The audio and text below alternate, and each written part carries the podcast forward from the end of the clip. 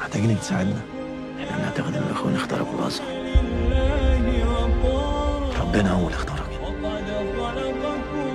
انت اللي اخترت ألم تروا كيف خلق الله سبع سماوات Maybe it concerns us in Europe, especially with the idea that we don't know anything about Islam, and still it's in the news every day. Och det där var en bra tankeställare av Tarek Saleh, filmregissören och manusförfattaren till bioaktuella filmen Boy from Heaven. Filmen Boy from Heaven handlar om Adam, fiskarpojken från en liten by som erbjuds den nästan ouppnåeliga möjligheten att studera vid Al-Azhar-universitetet i Kairo, sunnimuslimernas absoluta maktcentrum i världen. Men kort efter hans ankomst till Kairo avlider universitetets överhuvud, Sheikh Al-Azhar, hastigt och Adam kastas ofrivilligt in i en brutal maktkamp mellan den religiösa och politiska eliten i dagens Egypten. I huvudrollerna finner du Fares Fares som spelar en egyptisk säkerhetspolis och Taufik Barhoum som spelar fiskarpojken Adam. Filmen Boy from Heaven tilldelades bästa manus på prestigefyllda filmfestivalen i Cannes 2022. Och filmen representerar också Sverige under Oscarsgalan 2023 i kategorin Bästa internationella film. Helt fantastiskt. Och de goda recensionerna fortsätter att komma in. Här är ett kort axplock. Aftonbladets filmrecensent Jan-Olof Andersson ger filmen betyget 4 av 5 och skriver “Mycket välgjord, välspelad och spännande thriller”. Helena Lindblad på Dagens Nyheter ger den betyget 5 av 5 och skriver “Uppslukande resa, djupt originellt, stiligt och stramt”. Alright, här är mitt samtal tillsammans med Tarek Saleh när vi satt vid biografen Panora i Malmö, södra Sveriges största arthouse-biograf. Är du redo? Jag, jag, jag, tror, jag, jag är aldrig redo, men det är ju, livet väntar inte. Exakt, finns ingen pausknapp. Nej, nej. Alhamdulillah. Alhamdulillah. En stor ära för mig att ha Tarek Saleh här framför mig, eh, regissören av den här fantastiska filmen Boy from Heaven, som på arabiska blir Walad min al Jannah. Ja, walad min al ganna, Ganna. som vi säger i Egypten. Precis, precis, precis. Eh, Det får en annan klang när man säger det på arabiska. Ja. Ganna eller Janna. Ja, Jag har med mig min fotograf här också, eh, Yasin, så han tar bilder här. perfekt. Perfekt. Eh, jag älskar den här filmen. Eh, jag fick titta på den här eh, förhandsvisningen. Camilla var så snäll och gav mig den möjligheten. Och jag, jag älskade filmen. Miljöerna, skådespelarna, storyn. Den har så många nivåer i den här berättelsen. Spänningen och så vidare. Och en av mina favoritscener är ju den sista, kanske lite varning för spoiler alert, jag ska inte avslöja hela filmen, men sista, bland de sista scenerna när, när, eh, när pojken kommer tillbaka till moskén och träffar imamen. Och imamen säger, eh, by- byimamen eller imamen i byn, han säger till den här pojken, vad har du lärt dig nu när du har studerat där? Och han säger ingenting tror jag, men bara blicken, Ja, du vet så här, den säger allt. ja, Det är, det är liksom en evighet av lärdomar liksom. ja. Ah, tack så mycket för en fantastisk upplevelse. Men tusen tack och det betyder väldigt mycket när en person som också är förankrad i tron eh, uppskattar filmen.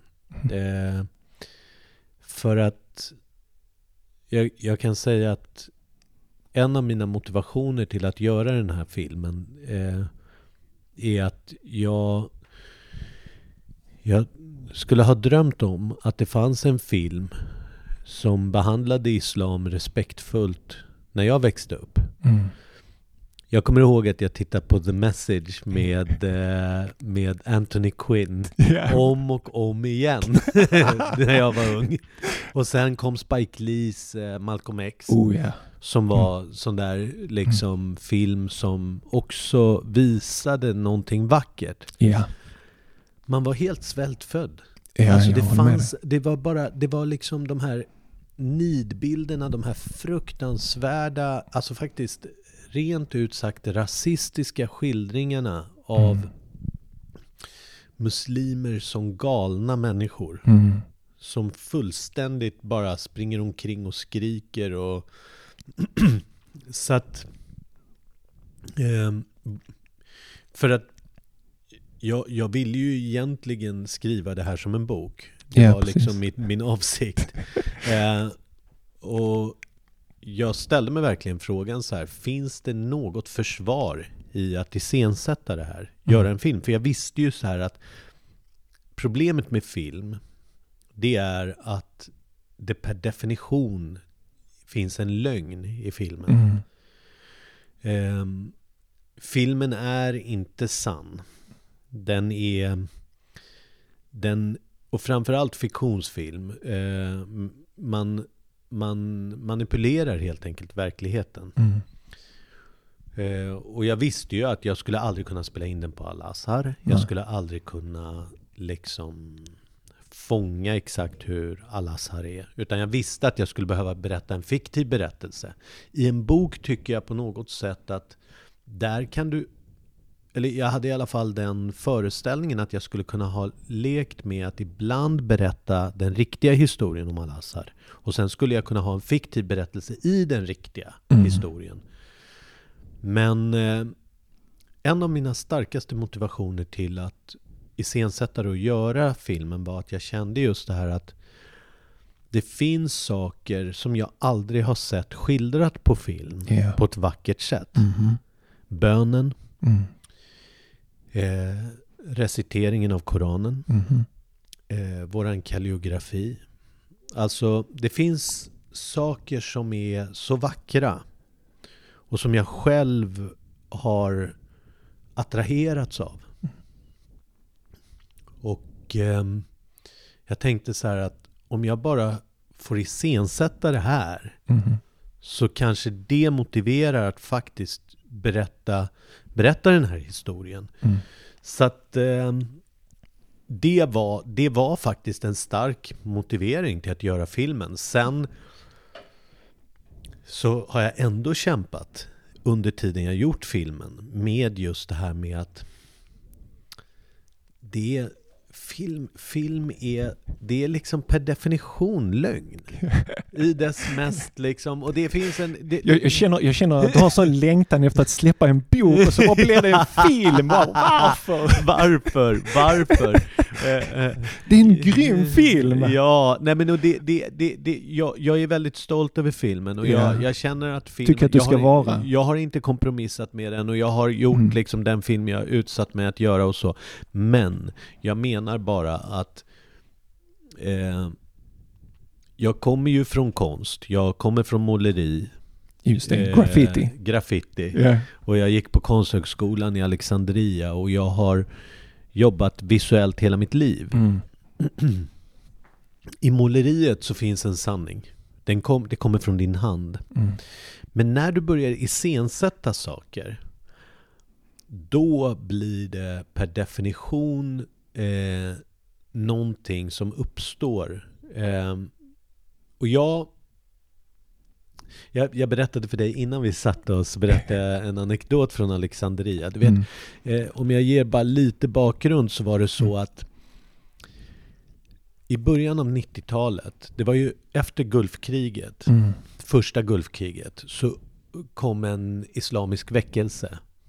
Eh, både i Europa men också i Egypten. Ja. Där väldigt många som jag tror inte ens hade tänkt på att de var muslimer plötsligt ställdes inför det här kriget. Exakt. Och den här spridningen av eh, nidbilder av islam på, på en helt ny nivå Mm. i västvärlden. Och jag kommer, ihåg, jag kommer ihåg även i Sverige att personer jag hade gått i skolan med som jag inte visste var muslimer plötsligt kom ut som muslimer. liksom, det var som att de kom ut ur garderoben liksom, och bara ”jag är muslim”. Va? Är du? Ja, Ja, ja, ja, jag är från Libanon. Ja, jag visste inte det. Och jag är från Turkiet. Va? Ja. Är det sant? Och i den här väckelsen Mm. så åkte jag till Alexandria. Och jag, jag praktiserade, jag var väldigt, väldigt noga. Mm. Jag bad alla fem böner, jag försökte be i moskén, Fagr. Mm. Min, min släkt i Egypten var ganska oroliga. Ja, För de kände så här att de är ju troende och, och liksom, de var så där You take it a little bit too far. Alltså, Yes, be careful. De försökte säga, de försökte komma med den här typen av citat. Du vet, islam det är en eld, om du går för nära kan du själv fatta eld. Du vet, sådana där grejer. och liksom, och, och jag, och jag... ehm, Och du måste ha haft sånt sug eftersom du kom från Sverige, du bara kommer till Egypten. Ja, och det var där och alla var muslimer. Ja. Och innan, du vet när jag, när jag gjorde Ramadan till Mm. exempel i, eh, det var något år när jag var ensam i Stockholm och jag firade med eritreaner i Fisksätra, vilket var ju för sig helt fantastiskt. Ja. Det var, de gör väldigt god mat och Ja. så det var gott att bryta fastan och vi hade jätteroliga diskussioner. Men det var inte min familj. Nej, precis. Så det var ju verkligen som att komma hem på Mm. ett sätt till en liksom men i den där väckelsen så var det också människor som hade liksom då som vi började benämna som fanatiker Mm. i, i Alexandria. Och Alexandria har också alltid varit en stad som där liksom man kan säga den extrema, de extrema tolkningarna har varit, det har varit väldigt starkt där. Eh, Så jag hade en, en klasskamrat som han var Han var djupt, djupt troende och han eh, Han vände bort huvudet varje gång en tjej gick förbi och han Han lyssnade inte på musik och han det, det var paradoxalt, han går på konsthögskolan Ja, va? Det var liksom, man kunde ifrågasätta Alltså varför har du försatt dig i den, på den här platsen av alla Ja, ställen? precis. Varför pluggar du inte på Al-Azhar? Ja, exakt. Jag menar, men han, han var liksom han var djupt, djupt troende. Vi, vi, och han hade en grej att man fick absolut inte ta bild av honom för han var det. helt säker på att hans själ fastnar I, i, I bild? i bilden. Okej. Och jag, vi, vi garvade åt honom. Ja, jag kan tänka mig det. är lätt att skratta liksom. åt det. Ja. Idag tar man en bild på allting liksom. Och man inser någonstans när man har sitt Instagramkonto att kanske är det så att ens själ faktiskt fastnar och att det är liksom bokstavligen. Eller hur? Alltså det är liksom och där, där Mm. i, alltså om man ska vara seriös så kan man säga att det är faktiskt så att med film jag kämpar med filmen utifrån Ja. ett konstnärligt perspektiv så upplever jag det som en oren konst. Mm. Eh, och det är farligt när man pratar på det sättet Mm. i, i de här sammanhangen för, för att jag älskar film. Jag gör det också. Ja, men jag älskar film och jag älskar Jag är att titta uppväxt på med film, vet, Ja, och det, det är det man gör på helgen eller om man vill slappna av lite grann. Gå in i en annan värld. Ja, och, och, och jag tänker också att någonstans så har det saknats och jag har funderat på det. Varför har det inte funnits eh, starka filmer som beskriver eh, alltså kampen inom tron? Mm. Ex, den existentiella ifrågasättandet. Och det var, ja, nu kommer jag skryta lite. Eh, häromdagen så la Paul Schrader som har skrivit Taxi Driver upp Ja. en, en post där han det. beundrar Boy from Heaven och Ja. The Nile Hilton Incident. Mm. Och jag blev så fruktansvärt glad. Jag Mm. blev så glad så att jag nästan började gråta. Men jag det- menar, jag menar grattis, Ja. Filmfestival, bästa manus. Alltså det är otroligt. Alltså jag, jag är så Otroligt. glad och du vet det roliga är att det här är ju Sveriges eh, Oscar-nominering också. Ja. Och jag, jag berättade till en kollega på jobbet, jag berättade om filmen, att jag hade sett den och jag, jag var så glad över den. Så nämnde jag för henne att vet, den, här, den här ska vidare till, till Oscar.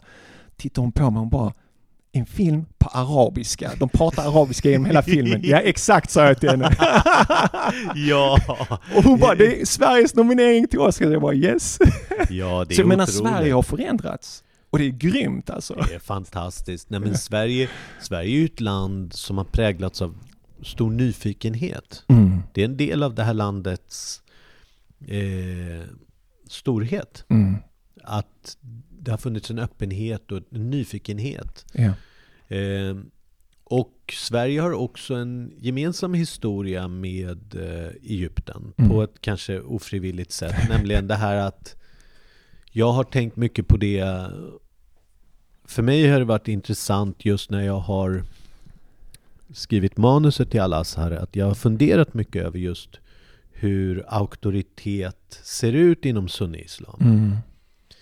Jag tror liksom inte att det är en slump att maktcentrumet i sunni-islam är ett universitet. Mm. Och att ehm, det som man kan, om man ska, för det, det går inte att likna det egentligen vid Vatikanen och vid påven, men, men om påven ska träffa en representant Mm. för sunni-islam, Ja. då är det Sheikh El-Azhar. Ja, precis. Eh, och det, har, det är ju för att det är så nära en auktoritet vi kommer. Ja. Men jag var just i Lund och jag berättade just den här anekdoten när jag, Mm. jag går på fredagsbönen med min farbror i, i, vid Maadi som är en förort till Kairo. Det är en stor moské, det är säkert 2000 människor där inne. Mm. Och vi står längst fram. Och min farbror han är läkare. Men han kan Koranen utan till. Och, han, eh, och vi står där och så börjar han rätta imamen. Under fredagsbönen. Och jag skäms, jag, jag känner mig väldigt svensk, du vet sådär. Ja. jag tycker liksom att det är skamset hur han skriker ut rättelser. Just det. Och eh, efteråt frågade jag, men vad gör du? Och Ja, han sa, jo men det är min plikt, alltså han reciterar fel. Exakt. Och då ska man rätta. Exakt. Och det säger så mycket om hur auktoritet i sunni-islam fungerar. Att det Mm. är en kunskapsbaserad auktoritet. Eh, en sorts informell makt. Mm. Och eh, därför så är det intressant att förlägga just maktkampen inne på ett universitet. Ja, ja, ja. Och beskriva det. Mm. Och sen är det ju självklart så att det är mer komplicerat än så. För att folk skaffar sig auktoritet. Eh, Jag tänker att i verkligheten, jag beskriver ju i filmen så beskriver jag att hotet mot Al-Azhar är liksom politiker som vill lägga sig i. Exakt, Och exakt. liksom underrättelsetjänsten. Men egentligen, om vi, om vi ska vara helt ärliga med, vad var, det, vad, vad var egentligen det största hotet mot Al-Azhar? Om man ställer frågan, vad är det största hotet i modern tid mot Al-Azhar? Ja, En bra fråga. Jag vet exakt. Sheikh Sherawi, Mm. tv-imamen. Aha, okej. Ja, precis. Plötsligt så kommer Mm. tvn. Och Exakt. precis som inom i hela resten av världen så. Sociala medier också. Ja, ja, Youtube-imamen. Ja, ja, precis. Youtube, imorgon, influencers. Ja, för plötsligt så kan, plötsligt så har du followers. Alltså, Ja. eller, eller um, eh, Khaled, vad hette han Ja. eh, som var så populär i Egypten innan Ja, på revolutionen? 90-talet. Eller Ja. sent 90-tal eller Ehm. början på 1000-talet. Ja. Som, som Hade predikade jätte- i Mohandesin, som hade liksom, hade, du vet, och, det var, och framförallt kvinnor som älskade Mm. honom. Och, Han var med kostym, Ja. slips, alltså han såg modern ut, Ja, inte som precis. klassiska Ja, och imam. som tyckte att det var okej att ha en Gucci-väska och vara muslim. Alltså som liksom influencer, precis. Och, och, d- ehm, och, och jag menar de här imamerna, de fick så mycket followers Mm. så att liksom plötsligt så var. El-Azhar liksom var, stod för det gamla. Exakt. Och det är liksom lite förlegade. Mm. Jag, jag tror att Al-Azhar har gjort en enorm comeback faktiskt. Mm. Mm. Med, både med Tayyip för att han är, han är väldigt intelligent, det får Mm. man säga. Alltså jag menar, jag, jag är inte en expert men jag, han är ju en skarp Mm. röst. Det är inget liksom, och han Jag tycker att det är intressant att han ändå någonstans har vågat liksom stå upp mot Mm. Sisi. Alltså, och en av de få, jag menar, som har faktiskt stått och vågat säga emot. Mm. Men det, det här är ju också ett sånt, jag jag har det som en punkt här bland mina frågor, att problemet mellan de religiösa institutionerna spelar ingen roll vilket muslimskt land vi tittar på så är det så att politiker är där och försöker nafsa och försöker liksom vara med och påverka och, och få imamerna att säga en viss sak. Och, och imamerna har, har sånt stort tryck att om de inte säger vissa saker så hamnar de i fängelset. Liksom. Och, och det är det här som är djupt problematiskt, det är att, att i den muslimska världen vissa delar så, så saknas de här rättigheterna så att imamerna kan säga vad de känner utan att de ska riskera långa fängelsestraff. Ja, Och det, det tycker jag att du lyfter på ett fint sätt i, i filmen, kanske dra det till sin yttersta spets med liksom säkerhetspolisen som aktivt är där inne och försöker re- rekrytera rätt person. ja, men jag tror också att det finns en... Jag tänker att i, i viss mån så, så tror jag också att en del av reaktionära krafter har kommit av det, just det faktum att man, man är förtryckt. Mm, Så vad är svaret på förtryck? Det är en sorts reaktion. exakt. Ehm, och jag tänker att om man tittar nära på de rörelser, jag menar vi har ju den delen där med Said Qutb och Ja, precis. hela den, Milestones. ja. Och där i är ju, det är ju så att, jag menar, även om man, man, jag menar, man kan ha olika åsikter, Mm. åsikter om den boken, men Mm. för mig är det väldigt tydligt att det är en sorts den är liksom inspirerad av andra rörelser, alltså politiska rörelser snarare än Mm. religi- religiösa rörelser. Man letar alltså efter en revolutionär Mm. anda i, i, i texterna. Och det, det roliga var att en bror ringde till mig, han såg filmen och så sa han Sally du har skrivit så mycket på Facebook om den här filmen, se den och så vidare. Liksom, vad är det för någonting du tycker så bra om filmen? Och så förklarade jag till honom, liksom, bror räkna inte med att det här är en Arisala nummer två, men det är en film som visar på olika eh, aspekter av eh, tro och spänning och, och allt det där. Ehm, men det roliga var att han nämnde det där också just med, med, med den här lilla klicken av extrema muslimer i filmen. Och så sa han till mig, bror, det de sa, det stämmer ju. Den kritiken Ja. de lyfter fram, Ja. förtrycket mot muslimerna Ja. från väst och så Ja. vidare. Och så sa jag till honom, vet du vad? Ja, det de, det de säger, det stämmer. Men hur man bemöter det, det är det som är fel. De vill ge tillbaka med samma medel eller till och med värre. Mm. Men det är inte så vi ska bemöta hat. Vi ska bemöta hat med kärlek, Mm. med, med, med vishet, inte med samma metod tillbaka. Ja. Och, och det, det, det, det tycker jag du lyfter fram på filmen på ett bra sätt för att fanatism finns inom alla religioner och den, den här faran finns och, och då är det viktigt att lyssna på att en del av den kritik som de lyft- lyfter fram är legitim men det är inte så vi ska bemö- bemöta det. Och det ja, men och jag tycker också, jag tycker också jag, jag ska berätta hur det gick till Ja. när jag skrev det där. Det. Eh, och det är intressant, och det, det vore intressant att prata med, med den brodern om det, för att jag Mm. tänker att jag hade... han, var, han var väldigt endimensionell den här karaktären, Suleiman Mm. heter Mm. han. Och han är då nikab för en osra, Mm. och, som är då den, en cell i i Muslimska brödraskapet. Men jag vill också säga att det är inte säkert att det är Nusra och det är inte Mm. säkert att det är Muslimska brödraskapet. Nej. För den anklagelsen är en, hur ska vi säga, en ryggmärgsanklagelse idag i Egypten. Ja. Vill du bli av med några Så så, så, säger du att de är Muslimska brödraskapet och att det är Nika Ja. Osra. Det kan också bara vara, jag tror att om du är i Latinamerika så Mm. finns den studentgruppen där och de är vänsteraktivister. ja, ja, precis. så det är liksom någonting som tillhör också den unga akademiska, arga, ser orättvisan, vill agera, vill ha en revolution.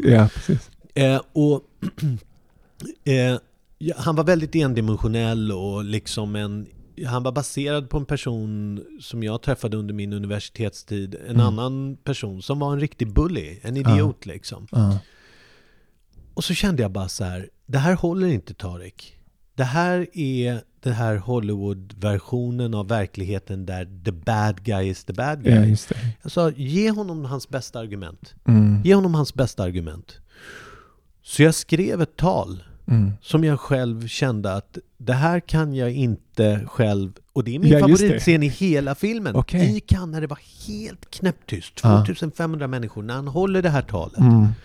Jag kunde på riktigt känna i salongen att ni vet att Mm. det den här killen säger stämmer. Just det. Och ni vet att ni alla är tysta. Mm. Det är inte bara det revolutionära han säger Mm. och som är grunden till eh, radikal Mm. jihadism Mm. är att, att det handlar inte om vad väst gör. Mm. Det handlar om vad den muslimska världen inte gör. Just det. Och det är det som, när han säger Vi vet. Mm. Va, va, vad då? Ska vi be om vår frihet eh, från kineserna? Mm. Nej! Men att våra ledare Just det. och att det här universitetet är tyst. Just det. Det är det vi vill agera. Mm. Och jag menar, jag skulle gå längre än så. Jag skulle säga så här. Är det fel eller är det rätt? Den frustrationen, jag menar jag kommer ihåg när jag flyttade tillbaka till Kairo. Det var precis när man hade avväpnat bosnierna. Mm. Och eh, koncentrationslägren uppstod och man alltså... Och, och jag menar, världen stod bredvid och tittade. Just det. Och jag menar, jag tror ju att vi som människor, om vi, för, för mig i alla fall idag, jag som Tarik Saleh, 50 år, oavsett om det är en, en människa som, vad den än tror på, om den blir mördad på grund av vad den tror på, Mm. Eller på grund av dess namn, så måste vi agera, för det Mm. är det är ondskefullt Ja. när det sker. Som det som sker nu med Putins angrepp på Ukraina. Ja. Det är liksom, vi måste, vi måste fördöma det. Ja. Men, men som du säger, jag håller med att, att de, här, de här, när du har en karismatisk kille Mhm. som liksom försöker elda på en grupp och som det visar sig sen att han i någon mening, det räcker ju med att Fares Fares karaktär på riktigt hotar med att kasta ut honom från minareten Ja. så är han beredd att sluta direkt. Ja. Så att jag menar, i någon mening så, jag, jag, jag tror för, för, för de flesta muslimer, det kommer inte så, jag menar vi vet ju, det, det, det, det, det, det, det många, många säger till mig, åh den här filmen är så modig, vadå modig? Ja. Jag tror att de flesta muslimer vet mycket väl att de, det finns så många som klär ut sig till religiösa företrädare Mm. som är fullständiga hycklare. Ja, ja, precis.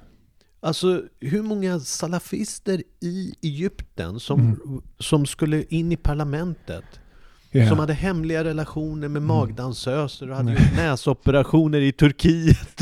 Allt möjligt! Det var rena Ja. rama... Det är precis som det är inom, inom kyrkan eller Mm. inom andra religioner. Att Mm.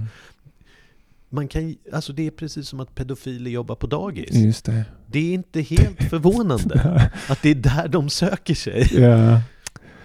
Jag, jag, jag tänkte eh, just det där med, du nämnde Fares Fares. Jag lyssnade på ett samtal där du nämnde att du och Fares samtalar mycket om religion. Oj, oj, oj. Eh, Ni gick inte in så mycket i detalj förutom att du nämnde där att han vill gärna att du skulle testa smaka på griskött. Va? och, så, och så sa han att det inte går så bra för att han själv vill bli vegetarian. Va?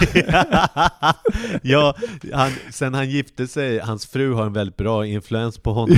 Han är, han, så nu är han vegetarian, och, eh, eller pescetarian.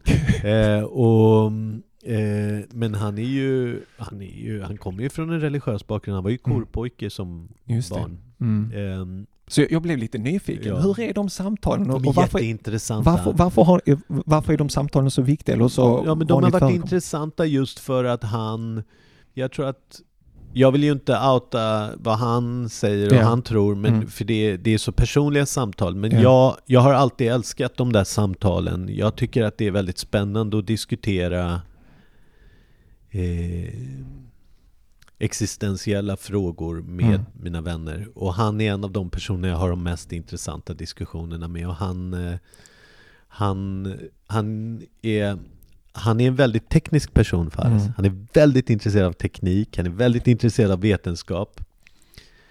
Eh, och eh, han är väldigt skeptisk till övernaturliga saker. Ja, ja. saker han inte kan se. Och jag brukar, jag brukar liksom vara den här som säger Jo men eh, du har ju inte sett Liksom, du har ju inte varit på månen Nej.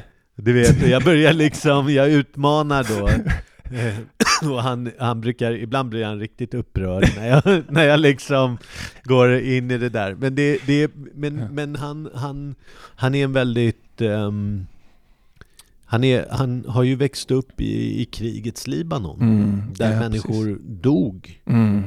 eh, i religionens namn. Ja, precis. Begick ö- fruktansvärda övergrepp och Ja, det är ju liksom... Och jag tror, jag tror ju själv att ehm, det jag försöker också visa i filmen är ju någonstans att egentligen så handlar nästan allt om politik och människans strävan efter makt Mhm. och kontroll. Exakt. Och att den, hur ska jag säga, den... Jag tycker, jag... Jag har själv någon sorts dröm om att...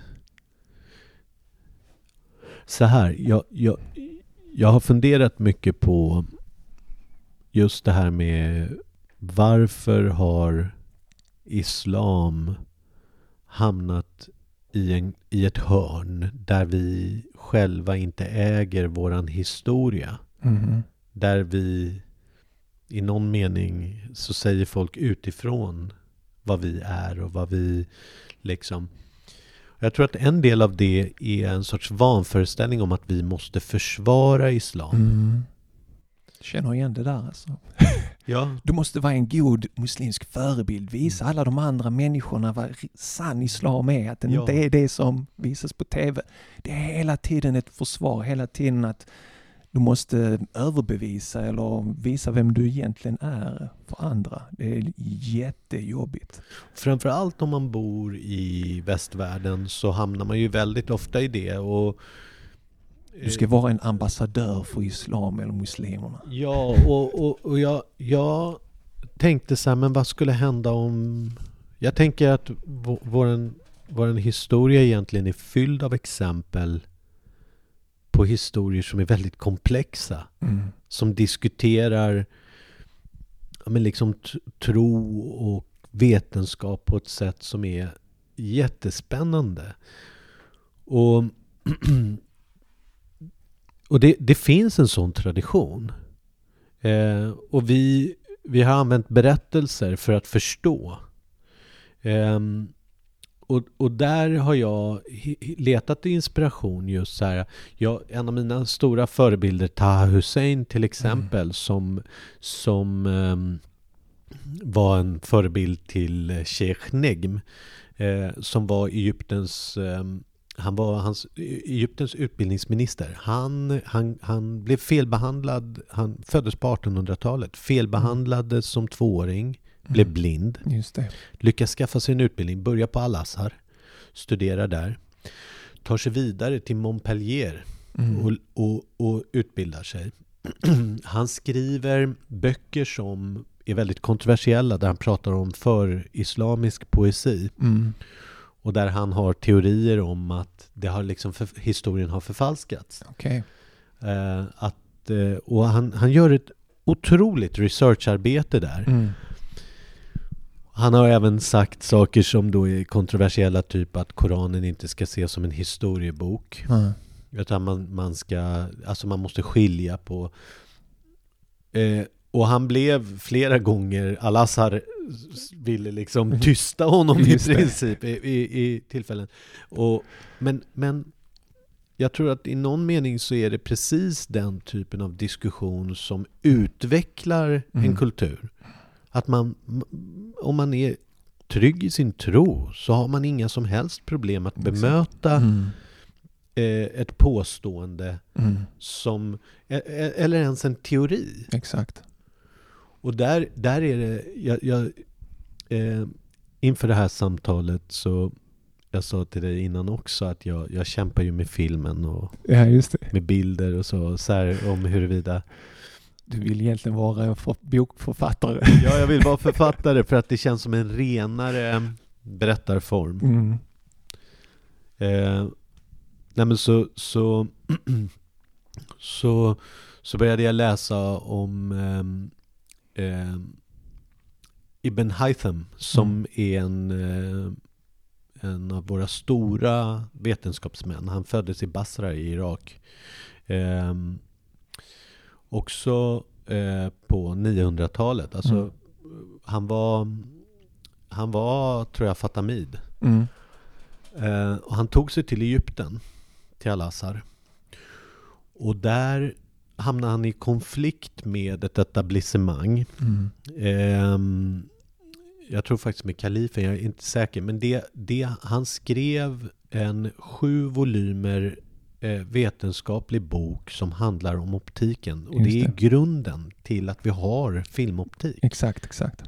Han var den som insåg att det var ljus Mm. som gjorde att eh, vi ser. Precis. Så det är inte någon stråle som kommer ut från ögonen. Nej. Som gamla. Ja, som de gamla. Och, och det, det, jag menar, här har vi då en person Mm. som och, och också en av grundarna av den vetenskapliga metoden. Mm. Eh, Han är en av många från den tiden och den eran som tog vetenskapen till nya nivåer. Både, alltså vi har ju framstående liksom inom kirurgi och medicin och så vidare. och matematik. Och jag Ja. tänker så här att om man, om, man, om man tänker då att det var the, the golden age of, of knowledge och liksom Mm. vi, där, där Al-Azhar grundas.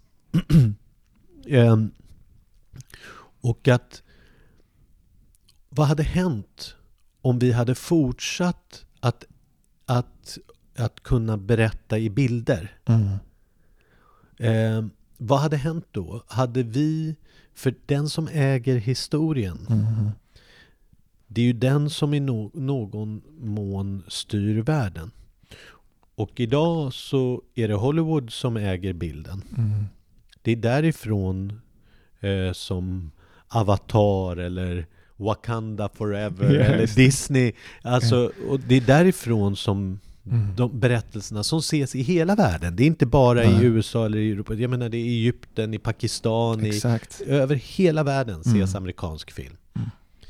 Och det är klart att vi har en stor filmindustri i Egypten och Mm. det är populärt. Och nu är det Turkiet och de dubbas till arabiska. Ja, alla tv-serier, oh my Ja. god. Alla jag träffar, vad är du från Turkiet? Ah, jag kollar på den tv-serien, kollar på den tv-serien. Vilken har ser du? Jag, tittar inte på turkisk serie.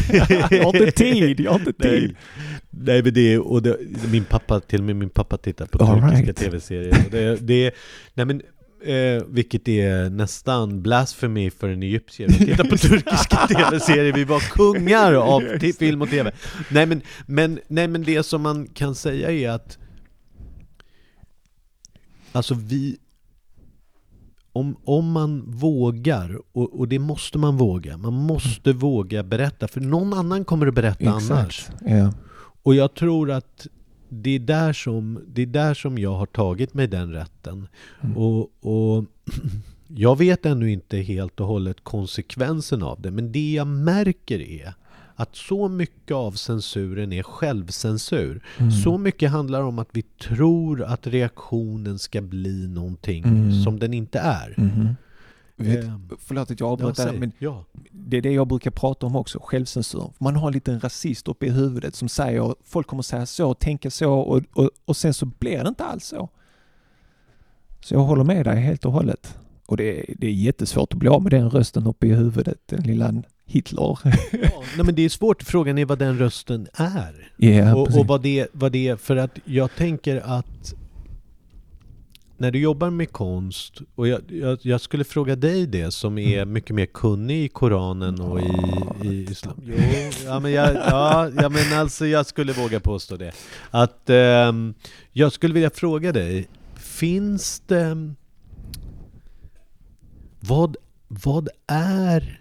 För jag som konstnär, när jag Mm. skriver till exempel, så kan jag uppleva att det finns någonting som händer som jag inte själv helt och hållet styr över. Ja. Det är många konstnärer som pratar om det. Vi upplever en sorts plan där Mm. tid och rum upphör. Mhm.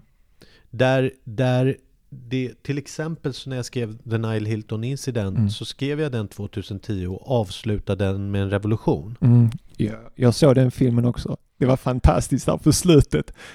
Eh, finns det inte någon Chaplin-film eller någonting sånt också där Chaplin mot slutet, va? Han, han går, han viftar Ja. med en röd flagga och så Ja. hamnar han i en folkmassa och så blir det också någonting. sånt. Jag, jag, det fick mina tankar dit. Men du, vet, men du vet, jag skrev den och sen så la jag manuset åt sidan. Det kommer aldrig bli en revolution i Egypten. Just det. Två, liksom ett år senare, på min födelsedag, så blir det en revolution i Ja. Egypten. Och, och för, mig, för mig så är det som att det där händer mig ganska ofta just när jag skriver eller när jag målar eller när jag Mm. gör... Jag ska ge ett annat exempel. Min far, han är målare. Han Mm. målar oljetavlor. Han är också filmare, men han målar olja. Han målade en flicka. Mm. Eh, och han målar väldigt fotorealistiskt.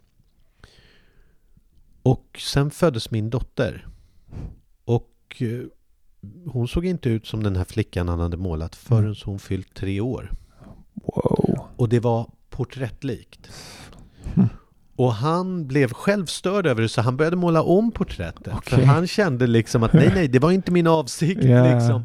Men, men jag undrar själv om det finns saker i islam som pratar om konstnären och konstnärens roll och Mm. vad det är för någonting. Det är en jättebra fråga och det är över mina kunskaper. Men jag, jag, jag tror att det finns någon connection. För det är så många konstnärer som jag har lyssnat på, författare och sådär, som säger att de kommer i connection med någonting annat när de gör sina verk. Det, det är för många som vittnar om detta för att det inte ska ligga någonting djupare i det där. Ja, jag tänker, vi vet ju med poeterna, Mm. vi vet med författarskapen Mm. och det. Eh, och po poesi är ju på ett sätt en, en av de renaste formerna av konst. För poesi är liksom den exakta beskrivningen av något som inte går att beskriva på något Mm. annat sätt. Liksom. Medans, eh, och vi strävar ofta efter som filmregissörer att komma så nära det också. Just Att, det. att det är liksom, det är inte hur det ser ut, det är hur det känns. Just det. Ehm, och jag brukar beskriva det så här att eh, jag jobbade ju som journalist och jag gjorde dokumentärfilmer. Mm. Började där. Och då brukar alltid redaktören säga What's the story? Vad är Mm. historien? Så den le- då letar alltså redaktören efter den fiktiva berättelsen i, Mm. den, i det du rapporterar om. Mm. Men när du gör en film, så en fiktiv film, då börjar du ju med en påhittad historia. Mm. Men vad jag försöker göra är att jag försöker hitta vad som är sant i den. Mm. Vad är den underliggande sanningen i det jag berättar? Just det. Och den försöker jag hitta i mig själv. Mm. Eh, och jag... Jag tror att det är där som jag försöker... Jag försöker då i relation till... För, för, för en av inspirationerna till den här filmen kom ju från Umberto Ecos in, i, i Rosens namn. Där han undersöker relationen mellan religion och konst. Mm. Ehm, genom att skriva en thriller liksom. Som utspelar sig på ett kloster där, där de försöker Gjorde om den till en film också va? Med Sean ja, Connery. precis. Ja. Som, jag, som jag verkligen kan rekommendera. Den är Mm. väldigt spännande. Ja. Som just handlar om hur munkarna försöker dölja en bok som är en ko- komedi. ja, just det. De försöker liksom... Så de har förgiftat bladen i boken. Liksom. Vilket är väldigt så här... Eh, det är ju en vacker historia. Men Ja. men så det var ju min avsikt. Jag tänkte, kan jag berätta en sån berättelse? Mm. Kan jag berätta en fiktiv berättelse? Du har nämnt det i, i samtal eh, om Boy from Heaven. Ja, det var så det började. Men sen, det, det- var avstampet, men sen Ja. insåg jag mer och mer, ju mer jag skrev på det, insåg jag att egentligen så är berättelsen en mer klassisk egyptisk folksaga. Okej. På det sättet att Alltså min, min favorit Mina fav- egna som jag har väldigt stark relation till Det är de här berättelserna som folk berättar för varandra om eh, Du vet, bonden som Som Som inte kan be till Gud Och sen så kommer imamen och ska lära honom Koranen Och sen så springer han ut på Nilen efter imamen när han är på väg med båten över och säger Jag har glömt de verserna du gav mig. Och egyptier älskar den typen av berättelser. Mm. För att det på något sätt är så här, det finns ingen som står mellan dig och Gud. Det. Det finns ingen auktoritet. Mm. Och jag är ju väldigt svag för det, för jag gillar inte auktoriteter. och jag gillar inte att var tvungen att lära mig saker utan till. Man, man, märkte, man märkte det i filmen för det var så många porträtt som kom av Egyptens president. Här kommer den igen, här kommer han igen, här kommer han. Ja, ja, ja. Och han, han ser så snäll ut på alla de där bilderna. Han gör ju det. Ja.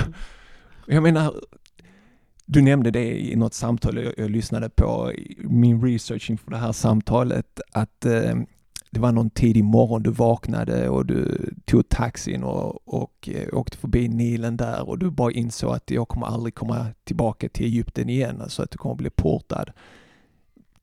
Yeah.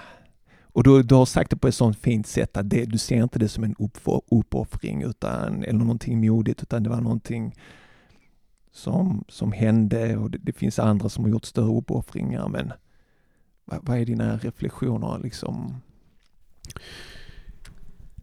Ja, men det är en enorm saknad såklart. Eh, och jag har ju en enorm kärlek till Egypten som Mm. land.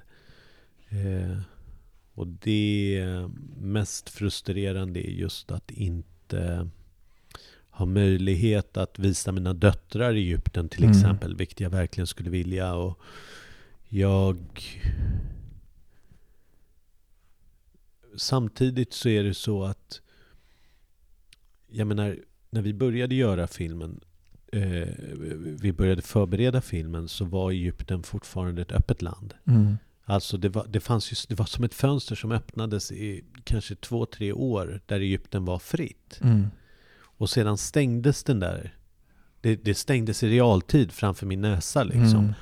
Och jag, Var det med Boy from Heaven eller uh, Neil? nej, eh, det var under förberedelsen av Nile Mm. Hilton. Okej. Mm. Det var, det var alltså, vi hade förberett den och det var, det var så att jag kunde verkligen bokstavligen se hur Egypten sl, slöt sig Just igen på ett sätt. Och, eh, och det var, Sisi hade tagit makten Mm. och, eh, och det gick väldigt fort.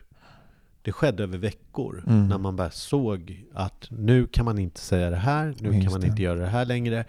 Och på, sa- samtidigt så insåg jag så här, det här är mycket större än att handla om mig eller den film jag ska göra. Det Mm. här handlar om ett helt land. Mm. Och unga människor som har uppoffrat sig för att ta kontroll över sin framtid. Ja. Och det nu såg, är det, det såg ljust ut ett tag liksom med revolutionen att nu kommer en förändring och så det gamla har lämnat men mm. Men jag, jag, jag tänker att jag vet inte om jag är blödig bara för att jag är förälder och du vet, men jag tänker att cynism är bland det värsta jag vet. Mm. Det är någonting jag försöker bekämpa i mig själv varje dag. Jag tänker att vi är skyldiga att ha ett hopp Mhm. och att försöka se det ljusa i tillvaron för att också ge det till våra barn och ge, alltså och jag tänker att den här revolutionen som skedde i Egypten och Tunisien och så Mm. var den var väldigt vacker. Mm. För den var fredlig. Mm. Alltså det var unga människor som utan våld bekämpade en brutal, Mm. brutala diktaturer. Ja, alltså som styrde med hjälp av polisen, Mm. alltså mördade folk och skrämde folk. Och Ja. helt självuppoffrande modigt Mm. störtade diktaturer. Mm. Och resten Och, och liksom flera länder, det var inte bara så att det var, du vet så, Nej, det var ju, det bara skedde Ja. liksom ja, det var helt otroligt. Det var ju fantastiskt och, och jag tror ju själv att jag tror att det här har en betydelse Mm. och jag tror att man måste se det i längre perspektiv. Mm. Även om det just nu kanske känns hopplöst så tror jag ändå att unga människor i Egypten och i Tunisien och Algeriet och Marocko och liksom även i Saudiarabien, Mm. i Dubai, i Irak, i Syrien eh, har i Turkiet, Mm. jag, var ju, jag filmade ju den här filmen i Turkiet. Mm. Jag tror någonstans att de kommer att ta, ta sin framtid Mm. i sina händer. De här gamla stofilerna Mm.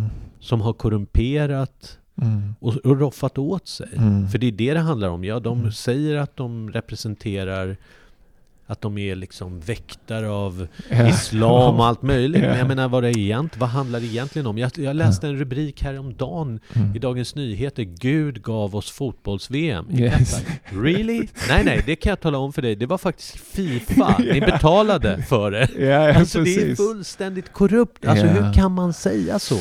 Ja. Alltså hur, det, jag menar, och någonstans så tänker jag att att de här unga människorna de kommer att det, det är bara det att, okej, så här. Först 1-0 till dem mot Mubarak. Nu är det 1-1. men de kommer, att, de kommer att vinna. Nej men jag, jag måste tro det. Och jag, jag måste Mm. också tä- tänka att vi Mm. som bor här Mm. Eh, jag brukar tänka så här, mina döttrar, du vet, min yngsta dotter, hon är fyra, hon är blond med bruna ögon. Min äldsta dotter är sju år, hon har brunt hår och gröna ögon. De heter Alba och Billy. Men deras farfar heter Abdallah Mm. och är från Egypten. Det är fantastiskt. Mm. Alltså, hela den här idén om att dela upp människor Ja, och ja. att skapa någon sorts sekter och tribes och det. Hur? Too late Ja. is my... eh, Alltså jag, jag, vet inte om jag bara är Mm. överhoppfull. Jag tror att Ja. allt det här vi ser, den här högervågen och allt det här Mm. med de här... eh, Mm. Jag tror att det egentligen är en sorts dödsryckning vad av gamla tänkte. idéer. Mm. Man, man hoppas bara att de inte skadar för mycket innan det upphör. Hänger du med? Det är det som är faran. Det är klart att det är väldigt skrämmande Mm. och, och att de, de använder ju väldigt mycket islam ehm, som någon sorts skrämselgrej just för att vinna de här valen i Europa. Mm. Och jag har tänkt mycket på det att det är så absurt för att man alltså säger ja, det är en islamisering av de, våra länder. Så jag menar vi som, kom igen. Ja. Alltså vad är det för larv? Alltså på riktigt. Alltså jag menar, det är ju, det är ju så egentligen att den stora kultur, eh, hur ska vi säga, kolonialiseringen Mm. som sker av Sverige är ju stora shoppingmalls Ja, som precis. öppnar utanför städerna och dränerar städerna på allt liv. Mm, mm, exakt. Och de här stora, stora multinationella företagen Mm. som ser till att inga små lokala... Så om man nu är nationalist, Ja. för, varför vågar ni inte sätta er upp mot Ja, dem? Nej, ja. men för att de har pengar och makt på riktigt. Så man skyller istället på folk som inte har någon makt eller något Exakt. inflytande. Mm. Där man liksom går och ber i en källare. Alltså på riktigt. Alltså islamisering. Jag skulle kalla det snarare... Nej men det är så absurt. Precis, pratar om alla de här skolorna, stänger ner skolorna. Och... Alltså jag, jag har så många frågor här, men vi börjar närma oss slutet och jag vet att det är sent och du ska på ett samtal här också. Men jag, innan vi avrundar så skulle jag gärna vilja prata om en av mina favoritscener och det är korantävlingen. Ja. När han, pojken läser Koranen och du vet, det är någon speciell kameravinkel och det är liksom, you know, det är något gudomligt. Det är så fint. Vad var dina tankar när du skrev det i manuset och spelade in det och så? Nej men jag har alltid varit väldigt... Eh, I Egypten så har man ju haft reciteringstävlingar under lång tid. Mm, och de har, Egypten har varit ju topp. De var i Class. topp ja. Nu är ju han som reciterar kan jag avslöja är ju rösten för vinnaren Just det. är ju turk. Okej. Och eh, turkisk mästare 2017. Ja, jo, Turkan har också haft några toppkandidater där Ja, inom ja, fan, han är en fantastisk... Eh, så jag brukar ju lyssna väldigt mycket på... um, Ja, eh, så det var faktiskt en stark motivation för mig att göra filmen var för att få beskriva det Mm. Ehm, beskriva det fenomenet och, och få på film i den skalan visa. Mm. Eh, och det finns ju, jag, jag menar, som sagt, det positiva med YouTube är när man fastnar där och liksom bara ser ja. liksom, jag kan Klipp liksom, det är timmar, ja och det är bara, och, alltså det är, ett, det är otroliga, men, Mm. men sen var det också, för när, vi, när jag diskuterade då, jag spelade in, jag spelade in honom i Istanbul, Mm. Ehm, eh, och då frågade han mig vilken sura vill du? Just det. Och jag sa Sura ett nu Mm. vill jag ha. För jag älskar den suran. Jag tycker den är så otroligt vacker. Mm. Eh, eh, men eh, och, och sen så finns det ju en fråga där för jag har ju, jag har ju score. Och det är en del ehm, både systrar och bröder som har påpekat att de inte tycker om att man lägger musik under. Ja, just det. Just det. Men eh, jag tycker inte att det är, för mig är det inte, det, jag, jag skulle säga att skåret berättar egentligen vad Adam går igenom. Mm. Mm. Att han för, förråder ju. Mm. Så att det är ju egentligen två saker som sker samtidigt. Just det, ja, ja. Så att alltså koranreciteringen är är ju den här pojken som lyssnar på liksom Hårdrock. eh, hårdrock uppe i sängen och, som, och som ligger och liksom Men att det finns någonting som jag, jag det, det är liksom För mig är det, det är sånt jag har upplevt i Ja, ja, ja. Att det just är Det någon, finns de kontrasterna och, och Ja. det är viktigt att man visar det också. Jag tycker det. Jag Mm. tycker verkligen att man måste visa det paradoxala. Den Ja. här, äh, det, det, du vet, jag har haft sådana otroligt intressanta diskussioner med djupt troende Mm. om där man har vågat diskutera allt. Mm. Är, är könsbyte tillåtet? Om någon känner att den har fötts i fel kropp? Mm. Om Gud har...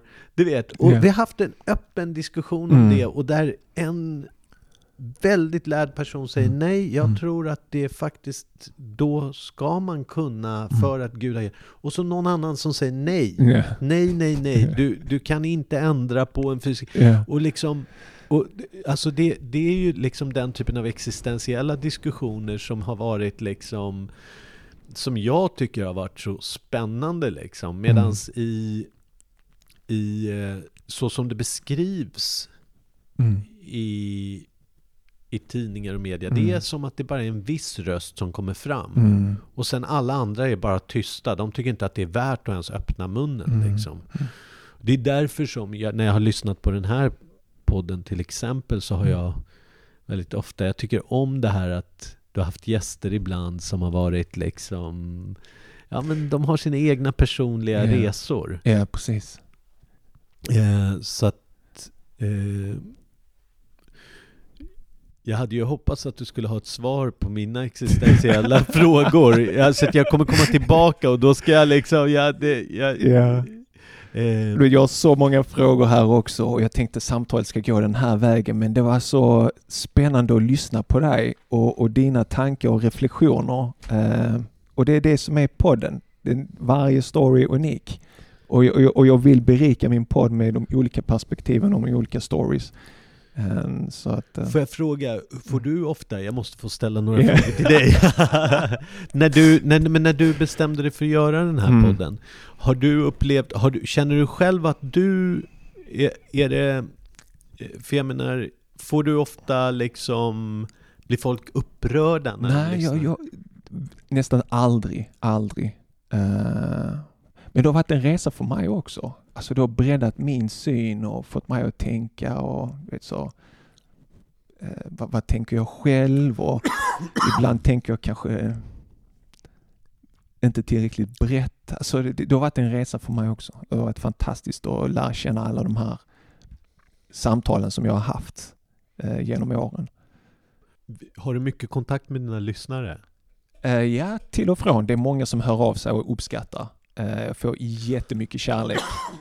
Nej men för, för mig, alltså de mest, jag, jag älskar, det är, en sak jag älskar med den här podden det är när vi pratar om sådana här fenomen som säger miljön och sådana grejer. just det. För att det finns, Det är verkligen... Eh, ja, men jag upplever det som en enorm rikedom. Att, att få höra det på svenska och i kombination med Koran när du, för att jag, Mm. jag tycker om det här att jag får höra Koranen på arabiska och sen på svenska när Just du det. förklarar. Ja, ja. Och det, alltså det är väldigt, väldigt Ja. bra.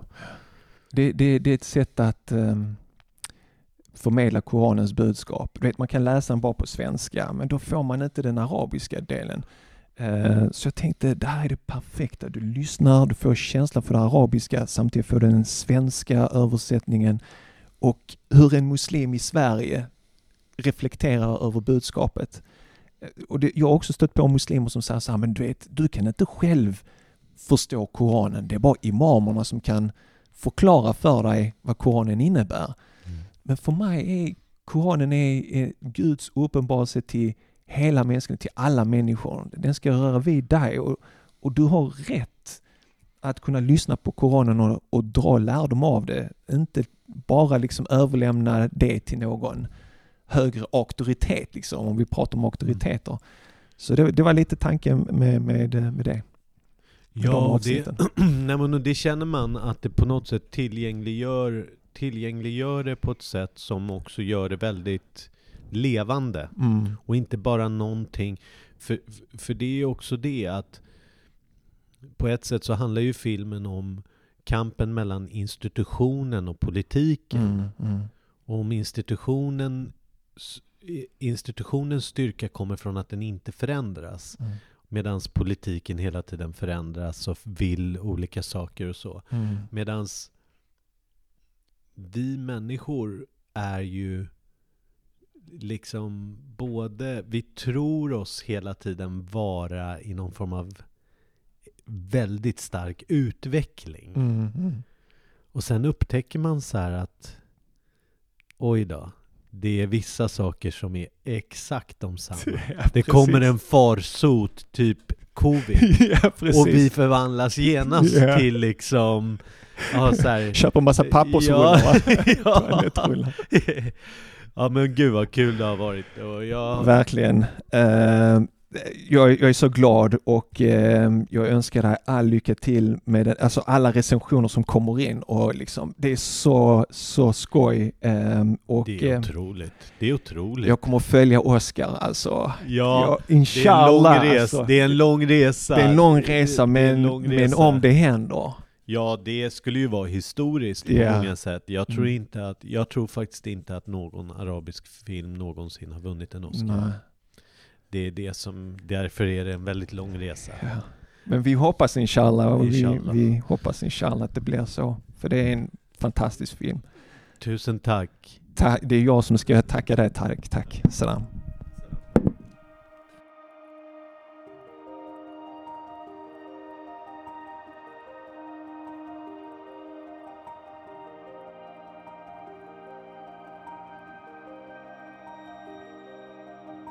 Tack för att du lyssnade på mitt samtal med filmregissören och manusförfattaren Tarek Saleh till bioaktuella filmen Boy from Heaven. Något som jag särskilt tar med mig från mitt samtal med Tarek är när han sa följande. Vi måste våga berätta, annars kommer någon annan att berätta. Slutcitat. Det är så sant. 110% sant. Men vi självcensurerar oss idag på grund av hot, dåligt självförtroende, dålig självkänsla och mycket annat. Men när Tarik sa detta i vårt samtal kände jag igen mig i hans uttalande. Koranpodden är min berättelse. En unik berättelse som blir så mycket rikare genom alla mina gästers berättelser. Koranpodden är vår gemensamma berättelse. En berättelse som jag saknat i min ungdom. Det är dags att vi fattar tag i pennan, i penseln, i mikrofonen och berättar våra egna stories. Inspirera varandra, stärker varandra, så var inte rädd. Berätta din story. För som Tarek varnar, berättar inte du så kommer någon annan att berätta. Du tyckte om mitt samtal med Tarek då skulle jag uppskatta om du delade samtalet med en vän. Skicka ett sms eller ett mail. Direktlänken till samtalet är koranpodden.se 225.